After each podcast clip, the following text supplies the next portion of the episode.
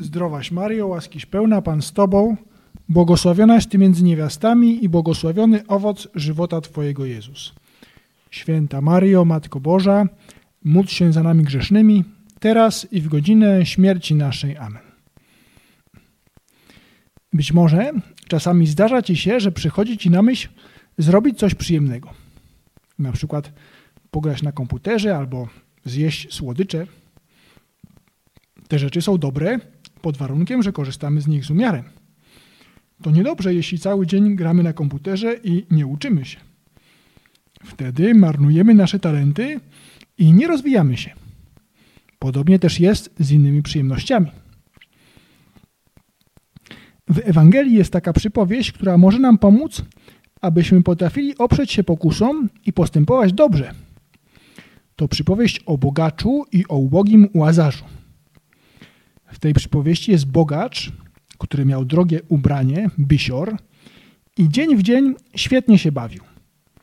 Zamiast pracować, zamiast doglądać swoich dóbr i dbać o nie, spędzał czas na przyjemnościach, tracąc czas.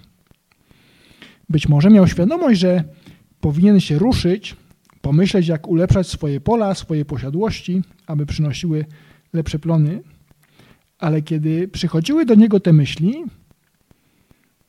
choć na ucztę, najedz się smacznego jedzenia, napij się wina. On zamiast do pracy szedł na ucztę. Dawał się wciągnąć. Przy wejściu do jego pałacu był ubogi łazarz, chory, który prosił o pomoc, bo nie był w stanie sam pracować. Ale bogacz nie zdawał sobie sprawy, że, że ten żebrak jest i, i nie widział, że może mu pomóc. Bo cały czas myślał o swoich przyjemnościach. I po jakimś czasie obydwaj umarli. I co się stało? Łazarz trafił do nieba, a bogacz do piekła. Bogacz prosił, żeby Abrahama, prosił, żeby Abraham posłał do ojca jego braci, którzy żyli podobnie, aby ich przestrzegł.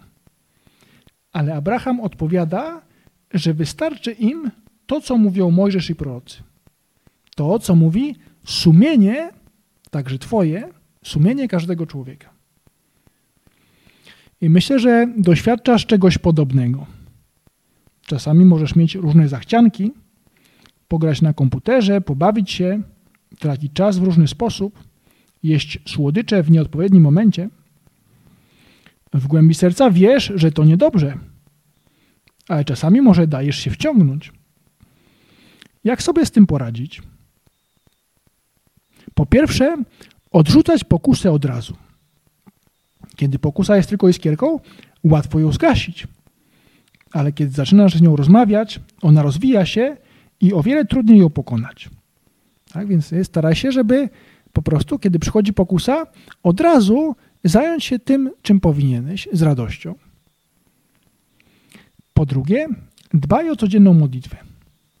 Pan Jezus chce, abyś zrobił tu na ziemi wiele dobrego i daje ci siłę, aby to zrobić. Ale trzeba o tę siłę prosić. Każdego dnia rano możesz prosić Pana Jezusa, aby ten dzień był pełen dobrej nauki, dobrej pomocy w domu, dobrego wykorzystania czasu.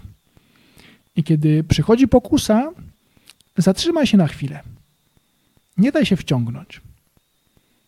Pomyśl, a, chciałbym pograć na komputerze albo coś podobnego, ale mam jeszcze lekcję. Albo powinienem posprzątać, wypełnić swoje zadania.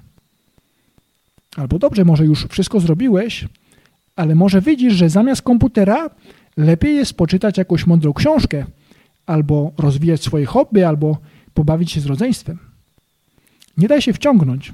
Proś anioła stróża o pomoc i zastanów się, co jest najlepsze w danej chwili. Co jest tym, co najbardziej cię rozwija. To, co najlepsze, choć czasami wymaga to wysiłku.